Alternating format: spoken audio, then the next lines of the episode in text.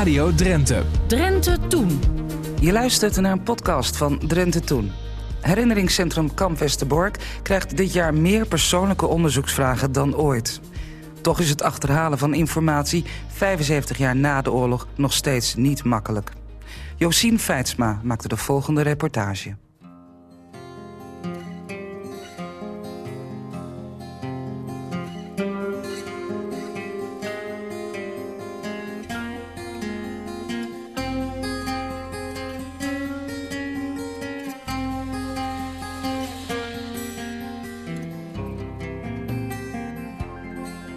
Ze weten vaak wel dat iemand de oorlog niet overleefd heeft. Maar het hoe en wat, dat is eigenlijk de volgende vraag. Wanneer waren dan mensen in Westerbork? Waren ze wel in Westerbork? Wat deden ze daar? Wanneer, welke barak zaten ze? Dus al die detailvragen die een naam maken tot meer dan een naam, dat is eigenlijk wat mensen willen weten. Maar de belangrijkste gegevens staan gewoon niet openbaar. En er is bijna niet bij te komen. Eigenlijk is het net een postzegelverzameling. Je hebt bijna een album vol, alleen nog twee, drie, vier lege plekken. Die heb je niet. En daar ben ik nog steeds op zoek naar. naar, uh, naar. We willen steeds meer weten. We zijn gewend geraakt aan details, specifieke informatie die eigenlijk alleen nog maar diep in de archieven in Nederland te vinden is. Het is vooral de derde generatie die er na jaren achter komt dat er een gat in hun familiegeschiedenis valt. Over de oorlog werd binnen families vaak niet of nauwelijks gesproken. En daardoor blijven vragen naar het overlijden van een familielid veelal onbeantwoord. Uh, we staan hier in de gang van de oude synagoge. En deze 7 meter lange gang heb ik tot beschikking gekregen om daar de foto's van de Joodse Harderwijkers op te mogen hangen. Want dat is waar we naar kijken. Dit zijn foto's van de Joodse Harderwijkers. Ja, ik heb jarenlang onderzoek gedaan en in de loop der jaren heb ik zoveel foto's verzameld dat we dus eigenlijk bijna de gehele bevolking, de Joodse bevolking van Harderwijk op deze wand kunnen laten zien. Anton Daniels begon met één zoekvraag over zijn familie bij herinneringscentrum Kamp Westerbork. Uiteindelijk, nu 17 jaar later, duurt zijn onderzoek nog steeds voort. Niet alleen van zijn eigen familie, maar van alle Joodse slachtoffers in Harderwijk probeert hij foto's op te sporen. Heel veel kwam bij particulieren vandaan, bij de uh, Harderwijkers die de Joden goed gekend hebben en met hun in een zangvereniging zaten of op een koor zaten of op een muziekvereniging of met voetballen of bij hun in de winkel kwamen of alle slagers van Harderwijk waar ook de Joodse slager op stond. Zo kom ik aan al die foto's die hier aan de muur hangen. José Martin werkt al 20 jaar als onderzoeker voor herinneringscentrum Kamp Westerbork. Ze kent ondertussen het trucje en zij weet waar ze het zoeken moet. Maar Martin merkt dat steeds meer particuliere onderzoekers daar moeite mee hebben. Ze staan letterlijk in een rij voor hulp. Waar moeten we aan denken? Wat zijn de aantallen? Tientallen per week. Um, en dat is eigenlijk een verdubbeling als je het vergelijkt met de periode voor de corona. Het is net alsof mensen veel meer tijd hebben om uh, te gaan zitten en na te denken van... goh, ik wil wel wat meer weten. Um, en dat betekent dat mensen eigenlijk ook het liefst alles willen weten. Over hun familie, over vrienden, over bekenden, mensen die in hun huis hebben gewoond, een naam die ze toevallig tegenkomen, een naam die op hun eigen naam lijkt. Eigenlijk heel divers uh, als het gaat om vragen. De antwoorden op die vragen liggen niet voor het oprapen. Onderzoekers werken zich een slag in de rond om aan alle informatie te komen. Maar hoe kan dat eigenlijk? Waarom is dat 75 jaar na de bevrijding nog zo ontzettend moeilijk?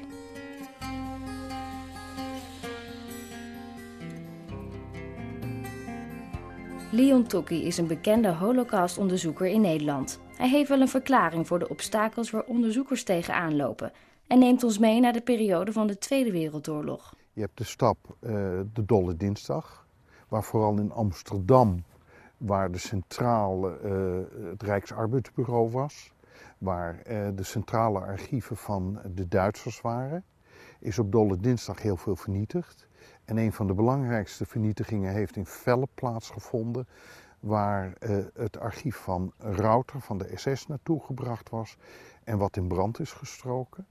Dan krijg je de periode 1945, waar heel veel NSB-overheidsambtenaren, uh, laten we zeggen, hun archieven hebben vernietigd. En dan heb je 1965. Toen waren de bewaartermijnen van bijvoorbeeld uh, het Rijksarbeidsbureau, het ministerie van Sociale Zaken, die waren voorbij en hebben ze toen de archieven vernietigd. Wat is het belang geweest van de Duitsers om al die informatie in, in de archieven te vernietigen? Hun eigen strafbare feiten uh, onzichtbaar te maken. Laten we zeggen dat uh, zij deden iets misdadigs en dat wisten ze donders goed. Maar het is niet alleen de informatie van NSB'ers die geprobeerd is uit te wissen. Ook de informatie van de 102.000 slachtoffers is niet makkelijk te vinden. Dat blijkt ook in de zoektocht van Daniels. Als Joodse mensen uit hun huis werden gehaald, of als Joodse mensen zelf hun huis verlieten om ergens onder te duiken, dan werden kort daarna werden hun woningen helemaal leeggehaald. Dat wilde zeggen, als er een tafel was met een lade erin waar enkele foto's in zaten, of een kastje met foto's, ja, dat was ook allemaal weg. Foto's vinden van weggevoerde Joodse Nederlanders, ja, dat, dat, dat is bijna niet te doen. Het depot, en daar hebben we dus inderdaad die, uh, daar hebben de kopieën van de transportlijsten staan. Dus ik uh, neem je even mee.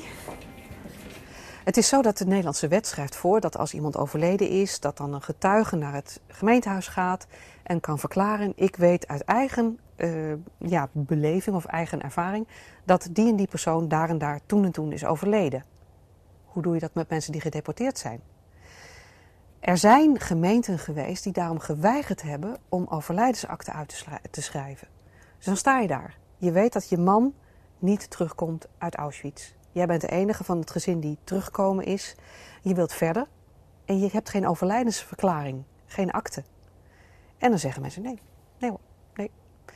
zoals op zoveel andere fronten, uh, de strikte en strakke administratie, die uh, zeiden nee, het moet zo en niet anders. Het Nederlands Rode Kruis had voor de Tweede Wereldoorlog al een zogeheten informatiebureau met kennis over krijgsgevangenen. De functie werd na de Tweede Wereldoorlog uitgebreid en van vele kleinere zoek- en opsporingsbureautjes ging men informatie bundelen. Mensen konden bij het Rode Kruis dan ook een tijdelijke overlijdensverklaring opvragen. Maar het Rode Kruis had weinig middelen om een goed functionerend archief op te bouwen. Er moest veel werk verricht worden in te kleine kamers, met telefoons die niet werkten en op oude typemachines. En die hebben dus van al die bureautjes de informatie verzameld die er was. Dus dan krijg je alweer her en der, hapsnap, allerlei bijzondere archiefjes en archieven. Met weer heel verschillende resultaten. Ik zeg wel eens, mensen hadden misschien een verkeerde bril op. dat drieën worden voor achten en negens aangezien, juni voor juli, eh, noem maar op. Eh, alles gebeurde handmatig. En dat betekende dat het overschrijven al fouten soms opleverde dat uh, zoekacties niet goed werden uitgevoerd of verloren gingen. Dat mensen een andere naam hadden aangenomen. Er zijn zoveel verschillende oorzaken voor te noemen. Uh, pas op het moment dat je echt uh, per persoon heel diep gaat zoeken, dan kom je die dingen tegen. Voorbeeld, dit, is dan, dit zijn de transportlijsten naar Sobibor. En we hadden daar een naam van een mevrouw met een dubbele naam. Dus een gehuwde vrouw zou je haast zeggen. Met een geboortedatum in 1943. Dan denk je, hoe kan dat? Hè? Nergens te vinden. Dan ga je puur en alleen op de naam zoeken. En toen bleek dus dat niet de geboortedatum op de transportlijst was gebruikt, maar de datum van aankomst in Westerbork. Ja, dan vind je er dus niet. Ja, nu uiteindelijk wel, maar ja, dat, dat, zo werkt dat. Van honderden slachtoffers die uit kamp Westerbork zijn gedeporteerd klopt het officiële verhaal niet. Ze zijn nooit doodverklaard of worden nog steeds vermist. Menselijke fouten. Had Daniels daar ook last van? Ja, dat, dat kom je tegen, ja. Maar dat weet ik van José, dat de kaarten van het Rode Kruis, toen die naar Westerbork kwamen, dat er heel veel dublures in kwamen. En dan heb je dus zowel zij als ik heel veel werk van ik heb die informatie en nu krijg ik die informatie. Welke van de twee kloppen er dan precies? Terwijl herinneringscentrum Kamp Westerbork deze fouten uit het verleden met behulp van vrijwilligers nog steeds op een dagelijkse basis probeert op te sporen, moeten ook zij vaak voor informatie buiten de deur zijn. Die informatie is niet altijd binnen handbereik. Wie denkt dat alles online staat, heeft het mis. Zo zijn er onder onderzoekers zorgen over de toegankelijkheid van een van de belangrijkste archieven van Nederland, namelijk het Nationaal Archief. Het Nationaal Archief bezit zo'n 143 strekkende kilometers aan geschiedenis. Daarnaast is er twee jaar geleden het oorlogsarchief van het Rode Kruis bijgekomen. Waaronder ook de Joodse Raadkartotheek met persoonsgegevens van nagenoeg alle Joden uit de bezettingstijd en persoonsdossiers. Alhoewel ik wist dat het over zou gaan naar het Nationaal Archief, is het een drama dat je niet meer op de juiste manier in die dossiers kan onderzoeken. Waar veel collecties van het Nationaal Archief gewoon openbaar zijn, is het Rode Kruisarchief dat maar gedeeltelijk. Binnen dat Rode Kruisarchief hebben we dus verschillende archieven waar we toegang toe hebben, dat is geen enkel probleem. Ehm, belangrijk blijven de persoonsdossiers, waarin in antwoord op vragen van familieleden heel gedetailleerd soms dingen zijn uitgezocht. Die komen uit verhalen van familieleden, die uit uh, archieven komen die ja, ergens anders liggen ter wereld of waar dan ook, of, of privéarchieven. Als ik naar de gemeente Amsterdam ga, dan mag ik alle persoonsdossiers zien, bij wijze van spreken. Uh, maar kom ik bij het Nationaal Archief, dan is daar om begrijpelijke redenen ja, een rigide houding die het voor een onderzoeker bijna onmogelijk maakt om goed onderzoek te doen. U zegt volkomen begrijpelijk. Wat is er dan begrijpelijk aan? Men heeft een situatie in het verleden gehad vanuit het CBAR dat uh, mensen vanuit uh, rancune NSB-familieleden zijn gaan benaderen op gegevens die in het Nationale Archief zat. Ik was bezig met de reconstru reconstructie van 12.500 mannen met hun familie die in Joodse werkkampen hebben gezeten. Met de weg die ze gedaan hebben naar hun vernietiging, dan wel naar hun overleven. En dat heb ik stop moeten zetten. Ik had software ont laten ontwikkelen in India of in China, waar een hele hoop geld in is gegaan. En dat is gewoon de vullersbak in verdwenen op dit moment. Het ligt stil. Volgens Tokkie zit in de privacywet AVG een grote weeffout. De Europese holocaustwetgeving is er niet in meegenomen.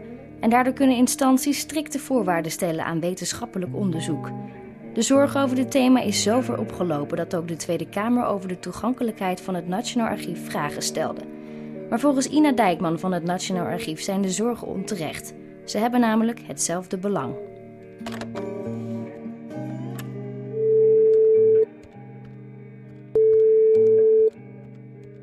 ja, wij gaan niet aan de voorkant een vraag stellen: Goh, wie bent u en waarom wilt u een onderzoek doen en, en hoe, uh, hoe gaan we dat dan behandelen? Dus iedereen die bij ons een vraag stelt, uh, behandelen wij in volgorde van binnenkomst. En uh, iedereen komt aan de beurt. Alleen is er volgens Dijkman door de overheveling van het Rode Kruisarchief naar het Nationaal Archief en de coronacrisis wel een achterstand ontstaan bij de persoonsdossiers. Dat archief hebben we moeten uh, bewerken, we hebben het moeten beschrijven, we hebben het in een inventaris moeten stoppen, we hebben er nou, heel veel uh, handelingen op moeten verrichten, opdat het op een goede manier uh, voor de eeuwigheid, noemen wij dat, bewaard blijft in Den Haag. En ervoor te kunnen zorgen dat het materiaal ook door iedereen die het wil inzien bestudeerd kan worden. Dus we hebben echt een, een forse bewerking moeten doen op dat archief. En dat heeft tijd gekost. Dat, het klopt, er zit een achterstand op.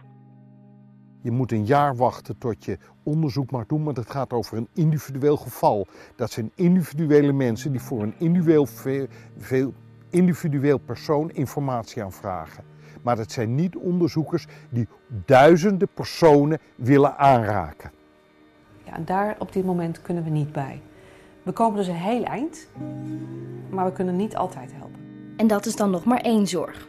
Er wordt nu op aandringen van onder andere Frits Barend onderzoek gedaan of het Nationaal Archief voor de Joodse Raadkartotheek wel de juiste plek is. En er zal volgens onderzoekers in de komende jaren meer digitaal aangeboden moeten worden nou, ik wil niet uh, mensen uh, somber stemmen, maar alle archieven in Nederland digitaliseren is een uh, onbegonnen zaak. dat is gewoon heel, heel veel werk en ook heel kostbaar. En het is de vraag of dat ook echt nodig is. Maar we hebben nog wel met elkaar in Nederland een grote stap te maken om te zorgen dat we zoveel mogelijk informatie digitaal beschikbaar kunnen stellen. Maar het Nationaal Archief is naar eigen zeggen hard bezig. Zo zijn er extra werknemers ingevlogen om de achterstand bij onderzoeksvragen weg te werken. We zijn die achterstand uh, aan het inlopen. Uh, en dus daar gaan we heel hard mee aan de slag.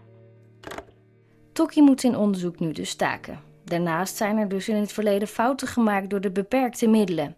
Daardoor is men vandaag de dag nog steeds veel tijd kwijt met onderzoek.